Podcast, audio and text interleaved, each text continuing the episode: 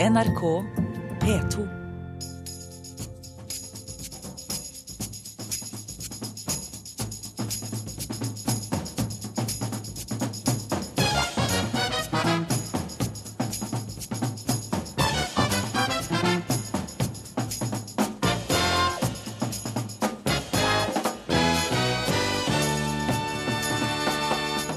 Over 100 barn forsvunnet fra asylmottak det siste året.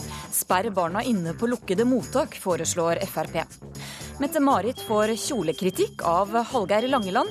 Heldigvis kler hun seg ikke som visse norske politikere, svarer Henning Warloe. Og Tore Sagen har testet den nye pappa-appen. Hør hvordan det går når han inviterer til pappapreik på Tøyen. Velkommen til ukeslutt her i NRK P1 og P2. Jeg heter Elisabeth Onsum. Vi skal også høre fra Vebjørn Sand, som er litt gretten på norske gallerister fordi de ikke vil ta imot bildene hans. Men aller først sitter kollega Eli Bjelland klar for å gi deg en nyhetsoppdatering. Ja, Vi begynner med togavsporinga i Frankrike i går. Ulykka skyldes trolig en feil med en sporveksel, opplyser det statlige franske jernbaneselskapet i dag. Seks mennesker omkom, flere titall ble skadde da et snøggtog spora av sør for Paris. Den franske transportministeren sier at det ikke er noe som tyder på at menneskelig svikt ligger bak ulykka. Røde Kors er svært uroa over situasjonen i den syriske byen Homs, og advarer om at tusenvis av liv er i fare pga. harde kamper mellom regimestyrker og opprørere. Hjelpeorganisasjonen ber nå om en stans i Valden for å få hjelp og mat inn til området der sivile er innesperra. Anlegget til den såkalla månelandinga på Mongstad utenfor Bergen må betale eiendomsskatt til Lindås kommune. Det har Gulating lagmannsrett slått fast. Selskapet TCM med statlige Gassnova, Statoil og Shell på eiersida nekter å betale eiendomsskatt, men har nå tapt i to rettsinstanser. Lindås kan trolig vente seg over 30 millioner kroner i året på skatteinntektene. Fire biler var innblanda i ei trafikkulykke på E6 i sørgående retning ved Sarpsborg i Østfold i dag. To personer er sendt til sykehus med moderate skader, medan fem er sendt til legevakt. Det ble fort lange køer på staden, men politiet har nå begynt å slippe biler forbi ulykkesstaden. Og nå holder ukeslutt fram. Det siste året er det registrert 106 eh, forsvinninger blant eh, enslige mindreårige asylsøkere fra mottaket de bodde på. Det viser tall fra Utlendingsdirektoratet. Ingen vet med sikkerhet hvor disse barna blir av og hva som har skjedd med dem. Liv Hatland har, eh, har vært verge for flere barn som har forsvunnet. Jeg tenkte at her er en jente som er dominert av en eldre mann som har eh, dårlige hensikter. Liv Hatland har jobbet som verge for mindreårige asylsøkere i seks år. Hennes oppgave er å være en praktisk og sosial støtte med taushetsplikt. Flere enn ti av asylsøkerne hun har vært verge for, har forsvunnet. En av dem kaller hun for Leila. Jeg tenker på en ung jente på 16 år som kom eh, til politiets utlendingsenhet sammen med en voksen mann på over 40 år. Og de var veldig tett sammen, og, og det virket eh, på en måte litt eh, skremmende. G111, G111. 109. 205. Miljøarbeider Alan Mulla står i døren til matsalen og krysser av navn og romnummer på ungdommene som skal spise middag på Hvalstad transittmottak. Under opptellingen er det en jente som mangler.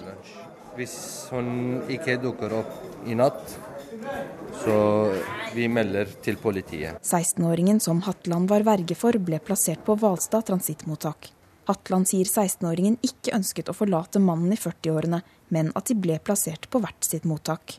Etter registreringen så tok jeg kontakt med mottaket og sa at i kveld kommer det en jente som er i en vanskelig situasjon, og dere må være snille og følge henne veldig nøye opp. Og det gjorde mottaket da. Dette er da det skjemaet uh, som vi benytter ved forsvinning av mindreårige asylsøkere. Det er mottaksleder på Hvalstad, Kjetil Blinge, som viser frem skjemaet. Politiet i Asker og Bærum forteller at de har mottatt 60 savnede meldinger fra mottaket i fjor og hittil i år. Da legger vi inn all den informasjonen vi har på vedkommende. Navn, tidspunkt den er savnet, uh, høyde, hårfarge, øyenfarge, hudfarge, Vi har jevnlige sjekker på alle som bor på mottaket. Ved alle måltider, aktiviteter og hver natt blir det sjekket at alle de mindreårige asylsøkerne er på mottaket. Hvis nattevaktene da registrerer at noen er borte, så blir det meldt. Eh, og da er det barnefaglig ansvarlig eller en annen ansvarlig på mottaket som kontakter UDI, politi, verge og barnevern. Og da settes den prosessen i gang med å ettersøke, etterlyse vedkommende. Nå skal vi på kriminalvakta.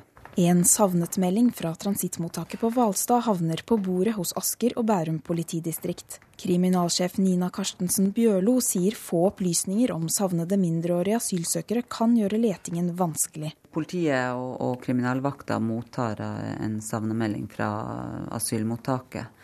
Og den blir da registrert med den informasjonen og de detaljene som foreligger så vil jo det danne grunnlaget for eh, den videre undersøkelsen i, i saken, og eventuelt en, en videre etterforskning.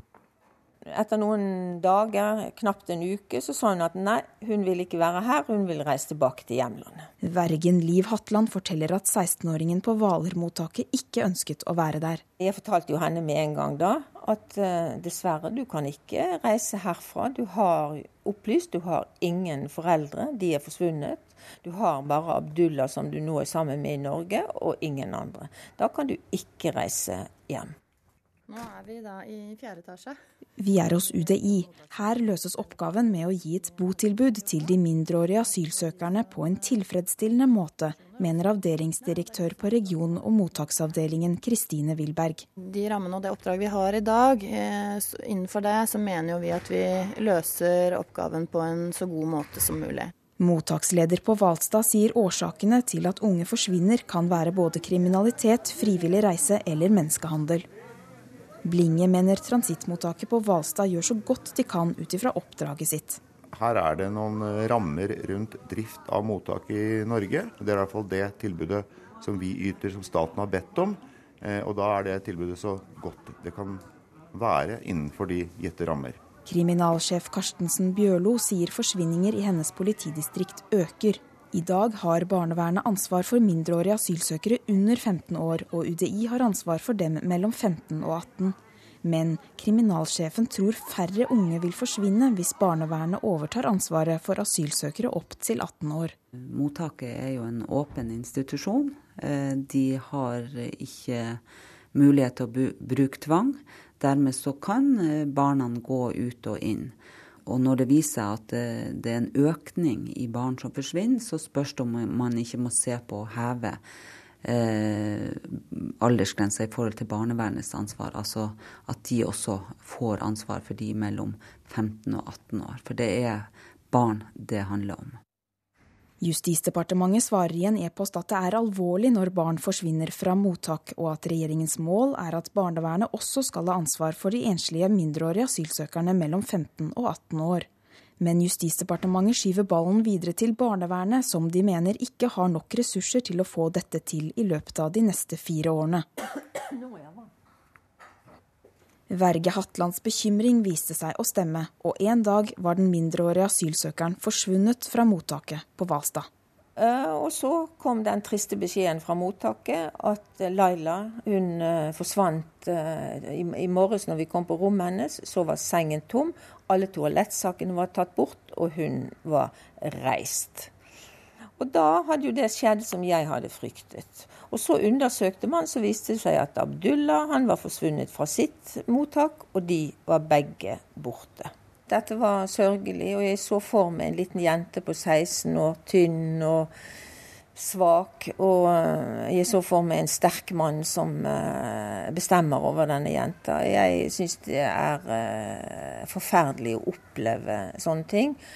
Og jeg vet jo aldri om jeg noen gang eh, treffer eh, Leila igjen heller. Eh, det hadde vært flott hvis jeg kunne treffe henne igjen og hjelpe henne. Reporter var Jelena Kabo. Masiar Keshvari, du er stortingskandidat for Fremskrittspartiet. Du mener at disse barna bør sperres inne på mottakene. Hvorfor er det en god løsning?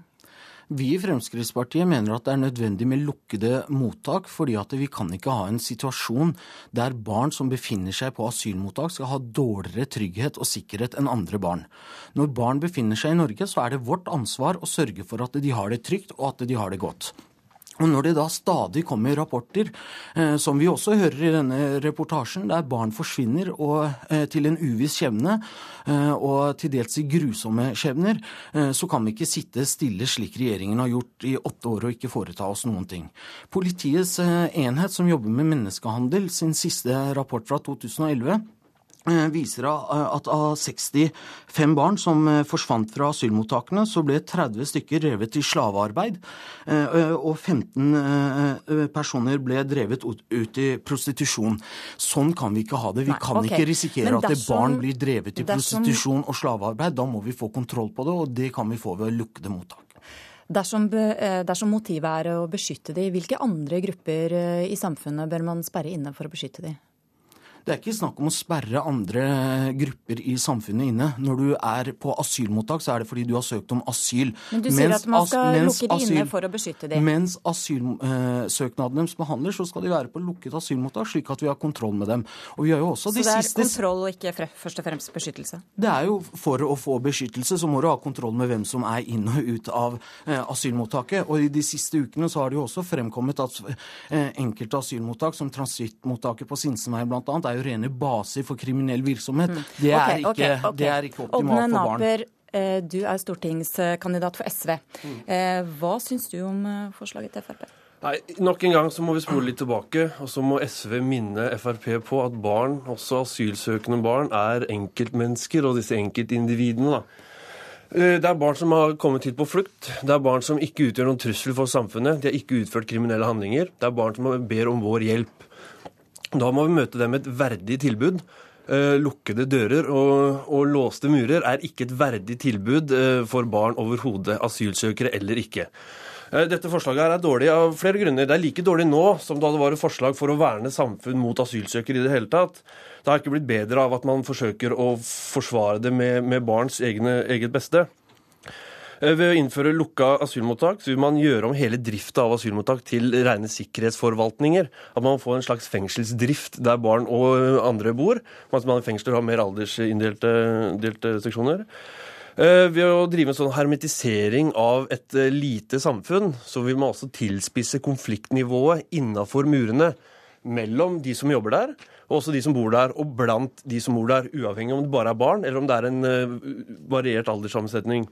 Og så aller sist så er det en forferdelig start på resten av livet for de barna som skal eh, bo der, og bo bak låste dører. Vi må ta høyde for at det faktisk ikke er alle barn som forsvinner, men en del som skal eh, bo der mens søknaden eh, behandles, og eventuelt skal inkluderes i det norske samfunnet. Jeg tror heller ikke Frp synes at det er en god start på inkludering og integreringsprosessen å sitte i Nei, fengsel. nå må Keshvari få slippe til. Det, Men du, det som er en forferdelig start, eh, er å komme til asylmottak som er rene baser for kriminelle virksomheter. Det å bli bortført, det å bli eh, drevet til prostitusjon. Det kan vi være enige om, men Jo, forslaget men er i strid Venstreparti- Et øyeblikk. Et øyeblikk. Forslaget deres er i strid med Barnekonvensjonen. Nei, Har det det noen ikke. Det er tilbakevist gang på gang. Og Det er i strid med Barnekonvensjonen Nei, det, nei, det, er det ikke. Eh, eh, hø- hør her nå. Norge bidrar til screensenter i Hellas, som er lukka mottak, gjennom UDI.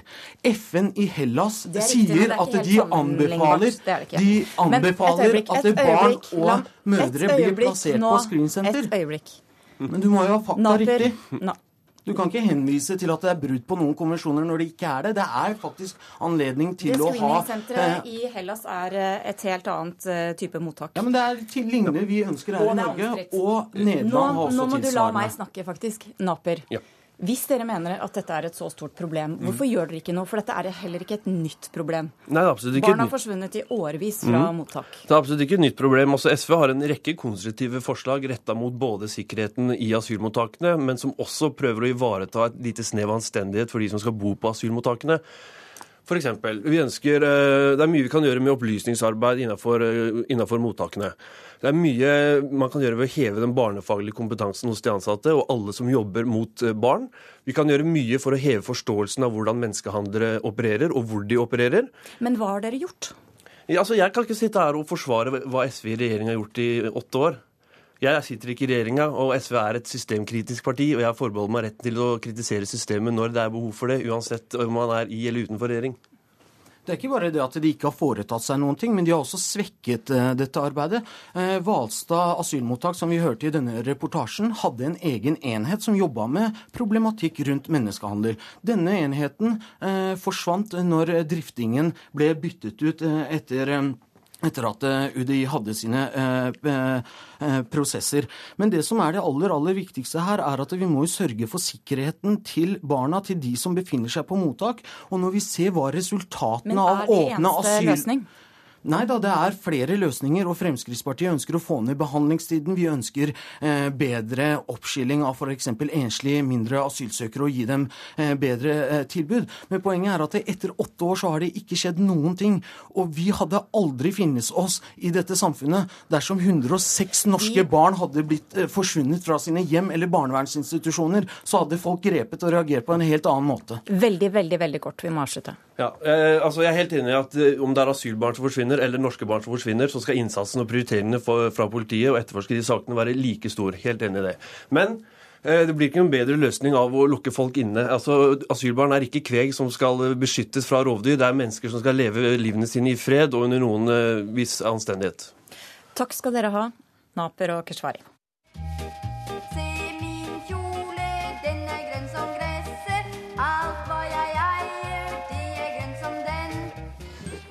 Hva syns du om kjolene til Mette-Marit? Nei, jeg syns Mette-Marit får, gjøre, får gjøre som hun vil. Hva syns du om kjolene til Mette-Marit? Ja, eh, de er jo ganske fine egentlig, men jeg tror ikke jeg ville hatt de sjøl. De blir litt for eh, eh, litt for flotte. Litt for mye pyntet for min del. Men hva syns du om prislappen, da? Den her f.eks. Eh, skal vi se en drakt til 22 000. Nei, en veske til 22 000. Ja, det blir litt vanskelig å svare på, for det, jeg kan ikke forestille meg en så dyr veske. Så jeg kunne i hvert fall aldri kjøpt en sånn veske sjøl. Hvor mye koster din, da? 600. kan jo ikke tenke meg det i anledning at jeg skulle ha på meg en sånn kjole. For det første er det ikke helt min stil, og så må jeg si hvilken anledning skal man bruke noe sånt. Og så regner jeg med at prisklassen ligger ganske over det som er vårt budsjett. Ja, hvor dyre kjoler skal Mette-Marit egentlig tillate seg å gå i? En twittermelding denne uka utløste debatt om kronprinsessens luksusantrekk fra designere som Gucci, Pucci og Hermes. Noen av dem helt opp i 100 000-kronersklassen. Og Hallgeir Langland, du sitter på Stortinget for eh, SV. Hvilke signaler sender eh, kronprinsessen når hun går i antrekk til flere titalls tusen kroner?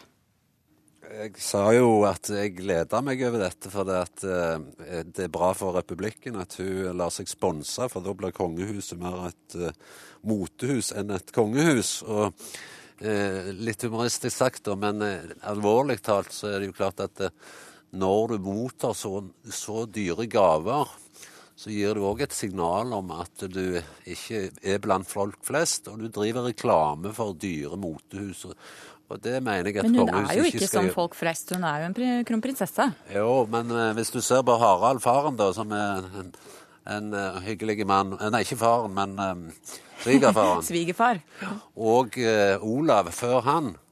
Så er de opptatt av å være ute blant vanlige folk, og ikke bare, bare menge seg med fiffen. Og iallfall ikke la seg sponse på den måten som en ser nå. Henning Warloe, du er stortingsrepresentant for Høyre. Hva syns du om eh, kritikken mot eh, Mette-Marit? Nei, jeg syns vel eh, kanskje at når vi sitter to politikere og skal diskutere kjolene hennes, så sier det noe om at vi er midt i, sommer, midt i sommerstillheten, og at det ikke er viktigere ting å diskutere. Jeg syns jo egentlig at dette er en, en ganske Eh, ubetydelig sak. Og jeg syns egentlig ikke at politikere eller noen andre egentlig skal hisse seg opp over at eh, kronprinsessen får tilbud om å eh, ta imot gaver av den typen der, kjoler å gå med. Noen kjoler skal hun ha. Hvis hun bruker masse penger på disse kjolene, så får hun kritikk for det. Og hvis hun tar imot dem som gaver, så får hun altså kritikk for det. Og jeg syns egentlig at det er av ganske liten betydning. Ja, Men er det helt uproblematisk? Hva syns du om det, Langeland? Nei, som sagt så syns jeg ikke det er uproblematisk. Men jeg syns òg altså, det problemet med kongehus, at vi har et kongehus, og at hun skal inn i det, og, og lar seg bruke som en modell for å sponse selskaper som ønsker å selge kjoler til fiffen. Det er problemet. Hadde vi ikke hatt det kongehuset, så hadde ikke dette vært et problem. Ja, For det er vel litt raust, Valo, å, å donere kjoler til kronprinsessen til 50 000-60 000 kroner helt uten å forvente å få noe tilbake? Ja, altså det, det, en designer kan forvente å få tilbake, forhåpentligvis, vil jeg jo tro da, er jo at eh, kronprinsessen, kronprinsessen går i en kjole eh, på et arrangement og blir fotografert og kommentert. Eh, TV-stasjonene har sine egne kjoleeksperter og Se og Hør liksom følger opp med hvor disse forskjellige kjolene kommer fra som kongelige og andre kjendiser bruker. Og det skjer jo uansett om disse kjolene er betalt eller ikke betalt. Og, og jeg syns jo egentlig at det er bortkastet bruk av penger som kongehuset kan bruke på noe bedre dersom man skal betale 60 000 kroner for en kjole som man får tilbud om å få gratis. Hvis okay. den blir brukt uansett, og det ellers ikke er noe binding eh, med dette, så spiller det absolutt ingen rolle. Men... Det er jo helt andre regler for kongelige. Altså For politikere må det jo være helt andre regler. Ja, vi, vi skal... ja. For hadde det vært problematisk om Jens Stoltenberg gikk i en eh, dress som han fikk eh, fra Hugo Boss, f.eks.? Altså, ja, sannsynligvis. Fordi at, Hvorfor det? Jo, fordi at han eh, som statsminister treffer mange beslutninger som kanskje på en eller annen måte direkte eller indirekte har betydning også for et klesmerke eller for en produsent eller en fabrikant. Hvis Hallgeir Langeland derimot hadde fått eh, en gratis dress av Hugo Boss, så tror jeg det hadde vært et stort pluss. og jeg skulle, ikke, jeg skulle ikke anklaget han for å bli inhabil av den grunn. Men det er klart, politikere tar beslutninger, og ingen må stille spørsmålstegn ved om politikere er bundet på noen som helst måte. Men jeg kan vanskelig å si at Mette-Marit tar noen beslutninger som har betydning for, for, Gucci eller Armani eller hvem det da skulle være som hadde laget en eh, kjole. Om hun betaler for den eller om hun får den og bruker den noen ganger, det syns jeg egentlig ikke eh, er, er så veldig eh, viktig. Det viktigste er faktisk at hun ser bra ut, og det gjør hun. Ja. Langland, eh, mener SV at eh, folk ikke skal få kle seg i det de vil? Nei, vi mener ikke det. Det, gjelder ikke kronprinsessen, da, tydeligvis? Eh, det gjelder iallfall ikke meg, f.eks., som er egentlig ganske dårlig til å kle meg opp. Men når det gjelder kongehuset, så er det litt annerledes, for de representerer Norge. De representerer det norske folk. De er på en måte født inn i en stilling som et kongehus. Og da har de en posisjon som gjør at jeg mener det er uheldig hvis de lar seg bruke av motehus som bruker dette selvsagt bevisst for å øke sine inntekter. Da er det ikke sånn som Henning sier, at det er, liksom, det er greit at de tar imot så de slipper å betale det sjøl. Det, det, er jo en slags bestikkelse da, for, for, fra motehusene for å få solgt flere kjoler til de som har så mye penger at de kan kjøpe dem. Hva da?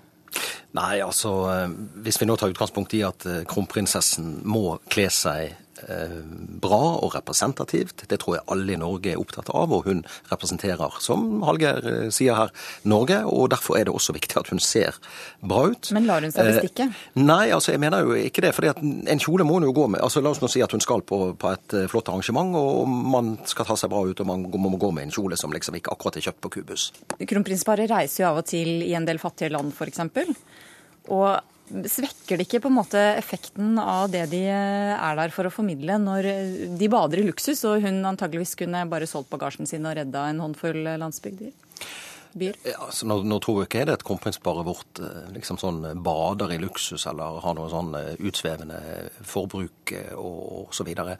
Men, men, det er jo klart at når man, når man er de har jo noen flotte boliger og Ja, jo, selvfølgelig. selvfølgelig, Og det følger jo liksom med, med stillingen, det. Og det, det, jeg tror ikke de, de som, eh, som, som lever i fattige land og som kronprinsparet faktisk engasjerer seg i situasjonen til. ikke sant? Deltar på ulike arrangementer og deltar eh, i forskjellige sammenhenger. Det er jo noe som jeg syns kronprinsparet burde få mer oppmerksomhet om enn akkurat hvilke klær eh, de går i. Og det sier vel litt om eh, hvor godt vi har det i Norge, da, som, som kan bruke tid på å diskutere sånne kjoler, fremfor å diskutere en del av de viktige spørsmålene som, som kronprinsparet er opptatt av når det gjelder klima, når det gjelder, når det gjelder fattig, fattigdom osv. osv. Du er ikke uenig i det Henning sier der, men det er jo noe av det som er problemstillingen problemstillingen da, når du lar deg sponse, at da svekker du din egen posisjon i, i, og troverdighet i forhold til de andre tingene du står for, når du på en måte lar deg kjøpe av et motehus for å drive reklame for et motehus. Problemet er altså da at Mette-Marit tilhører kongehuset, og at vi har et kongehus i Norge. Hadde, hadde vi hatt en republikk, så hadde ikke dette vært et tema. Da måtte vi kanskje lidd, lidd, lidd med en dårlig kledd eh, president da, som hadde representert oss sånn at vi hadde skammet oss alle sammen. Jeg syns, jeg syns faktisk det viktige er at, at kronprinsparet, når de er ute og representerer i verden, så, så, så, er det mange som ser på de, og de blir fotografert, og de blir filmet, og de blir kommentert. Og det ville være synd for Norge hvis, hvis vi liksom var, var skamfulle over det, altså. Ja, og visse politikere bør i hvert fall ikke sette standarden for uh, hvordan kongehuset bør gå kledd, har du sagt? Ja, jeg har, jeg har uten, å, uten, å, oute noen, så har jeg vært på en del sånne utenlandsreiser med norske politikere og syns at det ja. har vært ganske pinlig. Ganske pinlige affærer. En så enkel ting som å liksom pusse skoene, det er jo noe som tydeligvis norske politikere aldri lærer. For eksempel, Føler du deg truffet, Langeland? Nei, jeg gjør ikke det. Men jeg, jeg, jeg, jeg har ikke den kleskoden sannsynligvis da som Henning har, men eh, jeg syns eh, det er helt uproblematisk at folk går normalt kledd. og var, Jeg forsto jo at jeg ble outa, og Lundteigen ble outa av, av, Henning. Eh, og at han ville emigrere hvis vi, vår kvote gjaldt. Og Det er for så vidt helt greit, men da får jo nasjonen vurdere om det er et stort tap om Henning da må reise til Pyongyang eller noe sånt. Du hører på Ukeslutt i NRK P1 og P2. Følg med oss videre og hør at Vebjørn Sand mener norske gallerister er arrogante og kjølige. Du er brautende og vulgær, svarer Stig Andersen. Og denne ukas politiske sommervikarer spiller politisk lykkehjul om litt. Men først skal vi møte Tore Sagen fra Radioresepsjonen. Han har testet en ny app som skal gjøre fedre i pappapermisjon litt mindre ensomme. Hæ? Herregud, nå bråker ungen. Må slå på pappa-appen og se hva som skal se på appen her. Hvis ungen begynner å grine. Pappatid. Her er det informasjon. Radioresepsjonist og pappa Tore Sagen er en av de første pappaene i Norge som prøver ut den nye mobilapplikasjonen Pappatid.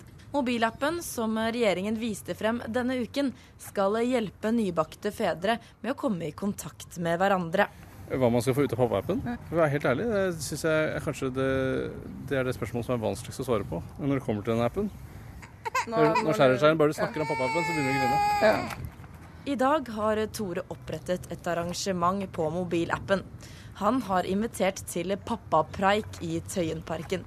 Til tross for strålende sol er det ingen andre enn Tore og datteren hans som har møtt opp. Nå har jeg laget et arrangement. Jeg har strukket ut en hånd til andre fedre. Og så, eh, og så kommer, da er det deres oppgave å komme til meg. Jeg kan ikke gå og hanke inn folk til pappapreik. Dette overrasker på ingen måte Mats Larsen. Uh, vanlige menn har overhodet ingen interesse i andre fremmede menn. Han har skrevet flere bøker om forholdet mellom menn, bl.a. Pornopung, som nå blir film. Du har blitt lurt, Kristian. Hele livet. Jenter vil ikke ha sånne gutter som deg. Og det å tro at man kan lage en mobilapp for at disse utsorterte, kjedelige mennene skal gå sammen om et slags feministisk småbarnsprosjekt, det er fryktelig optimistisk, og det er veldig dumt. Men Pappatid-appen har også forkjempere. Per Magnus Løvold er selv i pappaperm og veldig positiv til tiltaket. For min del så tenkte, så tenkte jeg at når jeg skulle i permisjon denne gangen, så Um, så jeg har lyst til å komme meg i større grad ut. Og det er jo det med pappatid òg. Da får man jo oversikt over alle de aktivitetene som er i nærområdet ditt, og som uh, kommer akkurat nå. Og det hørtes veldig kult ut. At man skulle kunne, kunne finne aktiviteter som andre pappaer, som du kanskje kunne Ehm, komme i bedre kontakt med i området. Men i Tøyenparken har fortsatt ingen andre dukket opp på pappaarrangementet til Tore Sagen. Likevel speides det etter andre fedre som kan ha tenkt seg på pappapreik. Han kommer opp igjen, han her nå, vet du. Ja, gjør det. Tror du han har lyst til å være på pappapreik allikevel? Se, se hva han har meldt seg på. Har du lyst til å være på pappapreik? Ja, kan jeg gå hvis han vil klage? Ja, ja, ja. Altså, velkommen til pappapreik. Tore.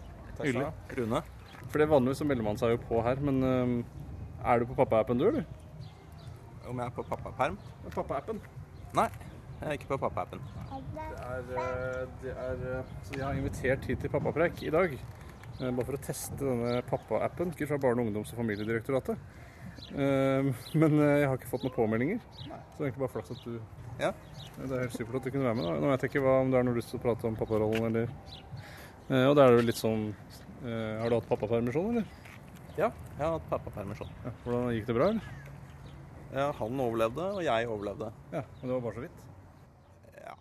Det var Inga Marte Torkelsen som denne uken lanserte Pappatid-appen. Hun presiserer at en mobilapp jo er frivillig. Du kan velge å la være å ta det i bruk. Så selv om staten gir et tilbud via en app, da, i dette tilfellet, så kan du la være å velge det. Og det er jo noen som er litt større i kjeften enn det andre er, og som kanskje også lettere får venner, og som klarer seg helt greit på egen hånd enn andre. Men i Tøyenparken er følelsene rundt Pappatid-appen ganske klare. I alle fall fra de som har skyld i at Pappatid-appen ble laget i det hele tatt. Er dette, er dette her lyden av eh, sånn pappapreik? Det er en hilsen til Inga Marte Torkelsen fra meg og dattera mi. Reporter var eh, Thea Rabe.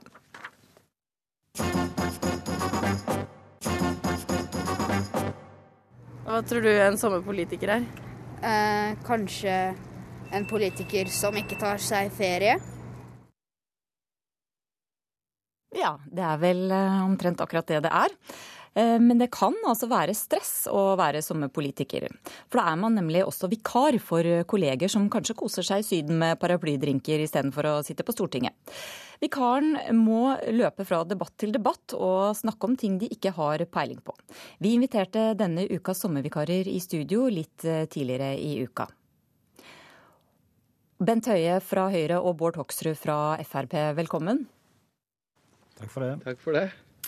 Dere er jo ikke akkurat eh, nysprungne knopper i politikken, men uh, Bård Hoksrud, si litt om utfordringen med å være sommervikar. Nei, Jeg synes kanskje det som er mest utfordrende, er jo plutselig at noen av kollegaene dine som har dette som fagfelt, sitter og hører på at du debatterer sakene demses. Og så er de kanskje ikke helt enig i argumentene du bruker, eller at uh, de syns du gjør en dårlig, en, en dårlig jobb uh, ut fra det de, de, mener. Det har du fått tilbakemelding om det noen gang? Nei, egentlig ikke veldig mye. Men det er klart, du er litt sånn der, eh, ekstra på tå og hev når ikke det er på ditt eget område. På mitt eget område det kjenner jeg veldig godt og vet alle argumentene.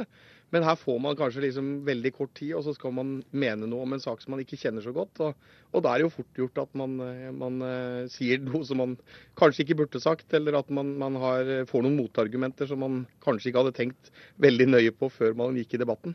Så du har opplevd å være på tynn is? Ja, jeg har vel det, men jeg tror stort sett at det går veldig bra. Jeg har vel ikke så veldig lyst til å fortelle når jeg var på tynn is, da. Eh, Bent Høie, hvordan er det med deg? Hvordan forbereder du deg til en debatt som ikke du har eh, egentlig så mye greie på i utgangspunktet? Nei, Det er jo å prøve å finne fram til de eh, notatene som vi har eh, om den type saker, og være klar på hva som er Høyre sin politikk. Men jeg er jo enig med Bård i beskrivelsen at en er litt nervøs, ekstra nervøs, og spesielt med tanke på at de som kan området best, gjerne er de som sitter og, og hører på, er på ferie. og så er det òg en, en, litt sånn eksplosiv miks, vet du. For det er ikke bare politikere som har sommervikarer, det er det òg i media. Så det kan bli en veldig farlig kombinasjon av en politiker som er på, er på vikar på et område en ikke kan, og en journalist som ikke heller er veldig inne i området. Da kan jo, Og så er det jo veldig lite som skjer om sommeren. Så den store redselen er jo å skape overskrifter på feil grunnlag og, og få i gang diskusjoner som, som egentlig skaper et feil inntrykk av partiet som politikk. Hvilken motdebattant eh, frykter du mest, eh, Bård Hoksrud, i en sånn uke?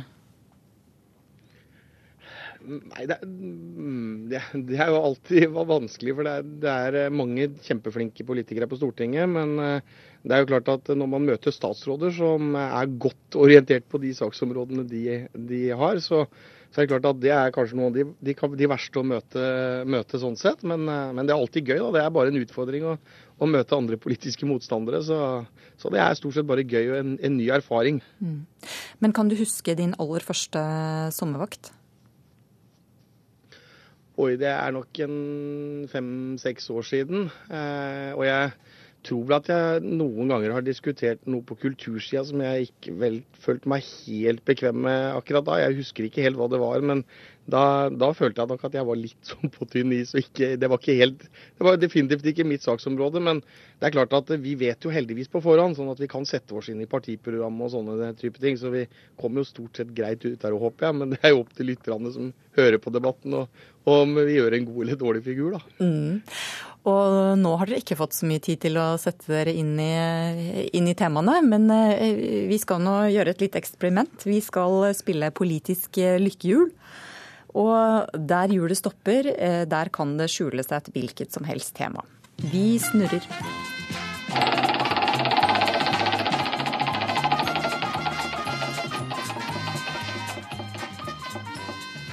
Der står det skatt. Bør Mette-Marit skatte av kjolene hun får i gave? Høye først. Kongehuset er jo unntatt eh, fra skatt, eh, og det er eh, god grunn til det. For de har heller ikke muligheten til å påvirke skattenivået gjennom å få lov å stemme. Sånn at det er en klar sammenheng at her er noen som er litt satt på siden av samfunnet. og Det er jo det som er kongefamilien sin styrke òg, at de er litt heva over de mer samfunnsmessige spørsmålene som er andre må ta del i. Og det er jo òg viktig å opprettholde det skillet mellom kongehus og politikk. Så jeg mener nei. Hoksrud, hva mener du? Ja, Fremskrittspartiet er veldig opptatt av å ivareta kongehuset, og at de har en spesiell emisjon, som Bent Høie sier. Men det har jo vært også en debatt. Én ting handler jo om man bør skattlegge de gavene kronprinsesse Mette-Marit får. Jeg er enig med Bent Høie at det bør man kanskje ikke gjøre. Men dette med åpenheten rundt gavene tror jeg er kjempeviktig. Og det tror jeg er viktig for, for kongehuset. At de er åpne på på, på, de gavene som Mette-Marit får, sånn at folk er klar over det. Fordi jeg tror sånn Å prøve å ikke være åpen om det, det tror jeg er veldig negativt. Og det tror jeg også er negativt for kongehuset og standingen til kongehuset, som jeg tror de fleste er veldig glad for at vi har. Så her, på dette punktet kan dere faktisk samarbeide? Høres det ut som. Ja, men jeg tror jo at vi kan samarbeide på de fleste områder. Så Veldig områder. Veldig mange områder. Vi snurrer videre.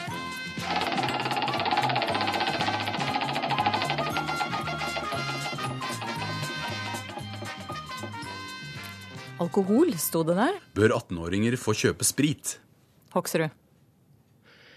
Ja, Fremskrittspartiet mener at når man er 18 år, så er man myndig, og man får alle andre typer rettigheter og plikter i, i det norske samfunnet. Man kan reise ut og være i krig for, for, Norge, og da bør man også kunne få lov å kjøpe sprit på eh, når man er 18 år. fordi da er man myndig, og med myndighetsalder så følger som sagt alle pliktene og rettighetene. Bent Høie?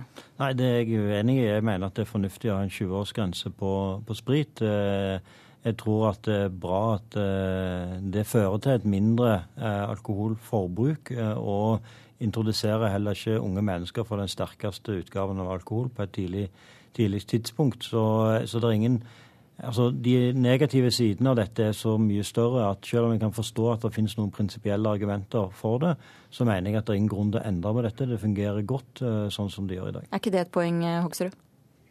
At skadene er jo, det store? Finnes, det, det finnes alltid mange grunner for de som syns det er greit å, å, å, være restriktive og komme med for, lover og forbud og alt mulig. Men jeg mener jo at dette handler om et viktig prinsipp om at hvis man kan reise i krigen for landet sitt, ja, så bør man også ha den muligheten til å kunne få kjøpe, kjøpe sprit eh, som er en lovlig vare, som blir solgt i lovlige butikker, daglig, nei, i, i Vinmonopol osv. Så, videre.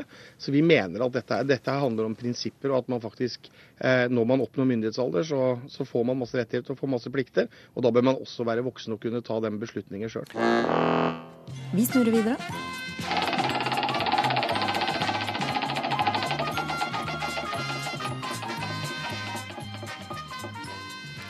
Der sto det landbruk. Bør jordbærbønder få økte subsidier etter en dårlig jordbærsesong? Hoksrud først. Nei, i utgangspunktet så mener jo vi at, uh, at, landbruket er en næring som må klare seg, og er en selvstendig næring som, uh, og selvstendig næringsdrivende som skal klare seg sjøl i utgangspunktet. Uh, og vi i Fremskrittspartiet mener at vi må heller redusere noe på subsidiene til landbruket. Men, men, det er kjempeviktig å ha et, et landbruk som, som, kan leve og leve godt. Men da må vi også gjøre noe med lover og regler og en del av de begrensningene som staten har satt, og som gjør det vanskelig for landbruket og, og, og de som er i landbruket å klare seg. Bent Høie. Høyre sitt utgangspunkt òg at uh, landbruket i større grad skal uh, kunne leve av de inntektene som en uh, klarer å, å, skape. Og innenfor jordbær så er jo det en, del, en et, et veldig sesongpreget del av, av landbruket, som òg er veldig uavhengig av subsidier i, i dag. Så det å tenke seg at vi skal ha mer subsidiering av jordbruksproduksjon, det ser jeg ikke for meg vil være Høyres løsning. Hvorfor vil ikke norske gallerister ha kunsten til Vebjørn Sand? Nylig bladde en amerikansk anerkjent kunstsamler opp nesten én million kroner for et av bildene til Sand. Men her hjemme har seks av de viktigste galleriene og museene sagt nei takk til bildene hans. Og Vebjørn Sand, hvordan føles det? Eh, ja, eh, jeg har flere følelser rundt det. Eh, nå er det jo slik at eh, om tre år så er jeg 50. Og, og, da er det vanlig at kunstnerne lager en stor mønstring for å summere opp eh, livet sitt så langt. Og, og da har jeg altså vært 17 år i utlandet. Eh, og det har vært fantastisk morsomt å, å, vise da det norske publikummet hva jeg egentlig driver med. Og det er jo sånn at da Museene er de som skal kontakte kunstnerne, men jeg har ikke hørt noe. Og, og så sendte jeg da eh, syv brev til de ledende museene i Norge, og jeg ble møtt med kulde, arroganse og taushet. Ja, hvilke begrunnelser ga de, da? Eh, det er veldig talende det som f.eks. direktøren på Høvikodden sa, altså eh, Tone Hansen. Altså de satser på modernisme og avantgardekunst, og at eh, jeg faller utenfor det. Noe som jo egentlig er kunsthistorisk tøv, fordi modernismen er jo nå over 100 år. Og, og det figurative er jo mye mer avantgarde i dag enn en, en konsept- og, og avantgardekunsten mm. som de oppfatter den. Ja. Vi har jo eh, invitert henne hit også, eh, blant, blant andre. Blant flere. Men Stig Andersen, du er regissør og, og, har studert kunsthistorie ved Blindern bl.a. Hvordan vil du beskrive kunsten til Vebjørnson? Altså, først må jeg si at uh, mange av de nyfigurative malerne det finnes jo ikke noe mer forrettede enn dem i norsk kunstliv. De lever liksom av å være forrettet og føle seg forfulgt. Når det er sagt, så må jeg også si at uh, det Vebjørn og hans uh, Men gjelder det Sand, syns du? Ja, nå skal jeg akkurat begynne på det. At, uh, og når det gjelder da Vebjørn Sand og hans like, altså hans, de som maler i noenlunde samme stil, så er jeg litt enig med ham i det at det er feil at man ikke i større grad er åpen for dette i museumssammenheng. Kan jeg bare få skyte inn noe der? Fordi eh, Stig Andersen, har, du har jo selv sittet eh, som leder i Utsmykningsfondet. Og nå er det jo to generasjoner figurative malere som jeg har fulgt med i de 30 årene jeg har vært i kunstlivet, som ikke er representert når det gjelder offentlig utsmykning. Så her så handler det om kunstpolitikk og kunstsyn. Hvorfor er f.eks. ikke de mest kjente, som f.eks. Odd Nerdrum, eh, Karl Erik Harr, Arne Paus De har aldri vært invitert til noe offentlig utsmykning. Og her, her har man gått glipp av noe i, i over 30 år, kanskje mer. Svar meg konkret på det. Det er du eh, selv har sittet ansvarlig for det, og så sitter du her nå og skal Det, det, det, det, det ikke, henger ikke på grep. Hvorfor, hvorfor, er ikke de representert, da? De gjør nok det, skjønner du. Nei, de er ikke det. Jeg kjenner de, eh, den personlige, og, og de har aldri vært invitert. Og... Ja, men nå må, du. La meg snakke ut. Jeg satt som leder av Utsmykningsfondet i ett år, og det var en jury som bestemte der jeg var uh, direktør, men uh, det var juryen som bestemte hvilke bilder som skulle innkjøpes. Ja, og Da må man se på denne ordningen helt på nytt. Her er det, Dette er udemokratisk og urettferdig. Den ordningen er ikke gjenstand for debatt nå, men, men Andersen, du har tidligere kalt bildene til Sand for bedrag? Kunsten til Sand? Ja, bedrag? Jeg mener det er en del av norsk kunst. For meg er det ikke noe kunst. Det er for innlatende, for smektene, liksom. At, uh, jeg skjønner godt at uh, han ikke har noen fremtid på Museum of Modern Art. Og når det henvises til samlere av mer eller mindre ukjent opprinnelse i Amerika som kjøper av spill for fem millioner kroner, så er det vel og bra, det. Men det er ikke sikkert at dette er i i kunstens elitedivisjon denne mannen kjøper inn, men det vet jeg ikke noe om. Nå har faktisk denne samleren sittet i styret i Museum of Modern Art. Så. Men Stig Andersen, hva er det med kunsten til Sand som gjør den litt sånn uspiselig for eh, folk med sorte høyhalser og ettertenksom blikk? Ja, jeg tror de finner den kunsten til Sand banal. og litt for sånn illustrativ og, og, og pyntelig. Og, mangler kanskje liksom en sterkere både formmessig og innholdsmessig klo, da. Det er vel egentlig det, tror jeg, at man tenker. Og Syns du det? Hva syns du da? Og det er klart at det er jo i kunstlivet som i moteverden at man øh, Det er visse ting som er trendy, og dette er altså ikke trendy i det miljøet nå. sa han. Ja, nå er det slik at eh, jeg må selv sørge for eh, eh, å, selge. Jeg får ikke støtte fra staten. Jeg, er ikke med i det offentlige utsmykningsfondet, eller blir vurdert der. Men du er ikke trendy nok, sier Andersen. Nei. Og, og, og jeg, det også da blir kritisert for at de tingene som er på en måte mer salgsvennlige, at det er da banalt. og Det, det får stå for Andersens regning. Men, men han innrømte selv at han ikke har fulgt med på hva jeg har gjort eh, i New York eh, og i USA de siste 13 årene jeg har bodd der nå. Og det vil, vil være kjempegøy å, å, å vise det hjemme. uh, I forbindelse med at jeg er 50 år da om, om tre år. Vebjørn Sand, har du tro på at, eh, at eh, nordmenn kommer til å få se kunsten din på gallerier her i Norge? Eh, Ja, du kan si at det, det, det, det handler om uh, kunstsyn. Uh, og jeg er ikke på mote, eller det figurativt klassiske maleriet er, som hele den europeiske kunsthistorien er bygd på, det er ikke med i ti, altså akkurat den lokale tidstrenden nå. Um, Men jeg tenker i et større perspektiv og er selvfølgelig alltid optimistisk og håper at uh, dette her blir rista løs nå, uh, og at politikerne går inn og ser på uh, fordelingen av statlige midler inn til kunstlivet. For det er ikke riktig, det er urettferdig. Jeg syns du er inne på en meget farlig vei nå. Ja, men ikke sant? Det er, du den første til, fordi du er en av de som har levd av statlige midler hele ditt liv, Stig Andersen, så du er den første til å si noe sånt nå. Hvorfor kan du ikke være åpen om det? da? La f.eks. Harald Eia ta et kunstvask og riste det skikkelig løs. Da ville du eh, skjelve litt- i buksene dine. Og, og, jo, det ville du gjøre, og, og, folk vil være overrasket. Eh, Jeg skal vedde en million kroner på at eh, det vil komme opp ord som korrupsjon, det vil komme opp ord som urettferdig. Eh, her vil det, vil det Tar du det, det veddemålet, Ja. Andersen? Tar du det veddemålet? Hva var det du sa?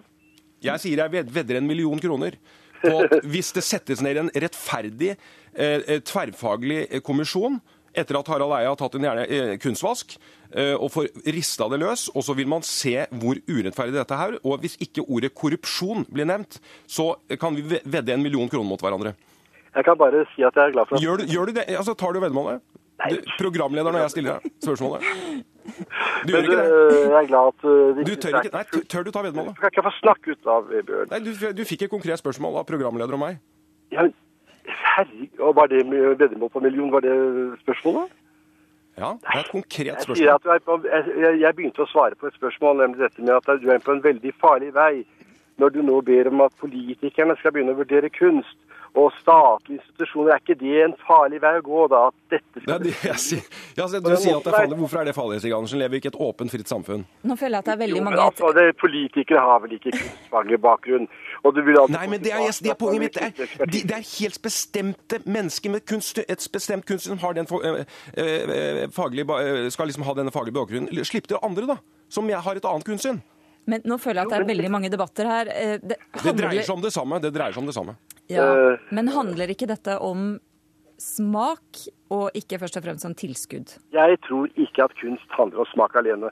For hvis det hadde vært slik at enhver smak var like gyldig som en annen, så kunne man legge ned Nasjonalgalleriet, man kunne legge ned alle museer. For det var ikke noe vits å ha det, fordi alle hadde en smak, og den var like god som den andres. Sånn er det ikke. Det gjelder det samme innenfor musikk, innenfor bilproduksjon, innenfor alt mulig. Det er noe som utmerker seg som noe bedre, og det er det man stort sett tar vare på. Det er det som lever videre. Og når Vebjørn nå hele tiden henger seg på den der klassiske europeiske tradisjonen, så er verken han eller uh, Odd Laudrum, verken Rembrandt eller Caravaggio eller hvem pokker måtte være disse store heltene fra fortiden, ikke engang som Edvard Munch, som for øvrig også følte seg forfulgt, akkurat som disse kunstnerne gjør, men kanskje eh, med litt større tyngde da enn disse. Jeg føler meg ikke forfulgt. Jeg bare sier at det er en urettferdighet, og man må se på dette på en helt ny måte. OK, urettferdig eller forfulgt. Det er mulig Nei, jeg har aldri følt meg forfulgt. jo Vi må avslutte, mine herrer. Eh, Kan jeg få lov til å spørre et spørsmål til slutt? Sist så kalte Vebjørn meg for møkkamann da vi var i en eh, TV-debatt. Eh, Hvordan vil du karakterisere meg i dag? Eh, nei, jeg syns du har oppført deg mye penere nå. Å ja, takk. Du er absolutt mye mer spissig nå, eh, Andersen. Hva? Nei, du er absolutt mer sivilisert nå, Andersen. Ja, men du, du har til blitt enda mer uh, brautende og vulgær. Det er jo ikke bra, Vebjørn. Du syns jeg er blitt mer brautende og vulgær? OK. det er kanskje jeg som er møkkamann, da. Takk for praten. Ok, takk skal dere ha. Ukeslutt er slutt, men eh, vi er tilbake om en uke. Stikk eh, veldig gjerne innom Facebook-siden vår om du har tips eller kommentarer, eller om du vil se bilder av noen av gjestene våre. Ansvarlig for denne sendingen var Aksel Wilhelm Due. Teknisk ansvarlig Lisbeth Sellreite. Skript var Tove Søtorp. Jeg heter Elisabeth Onsum.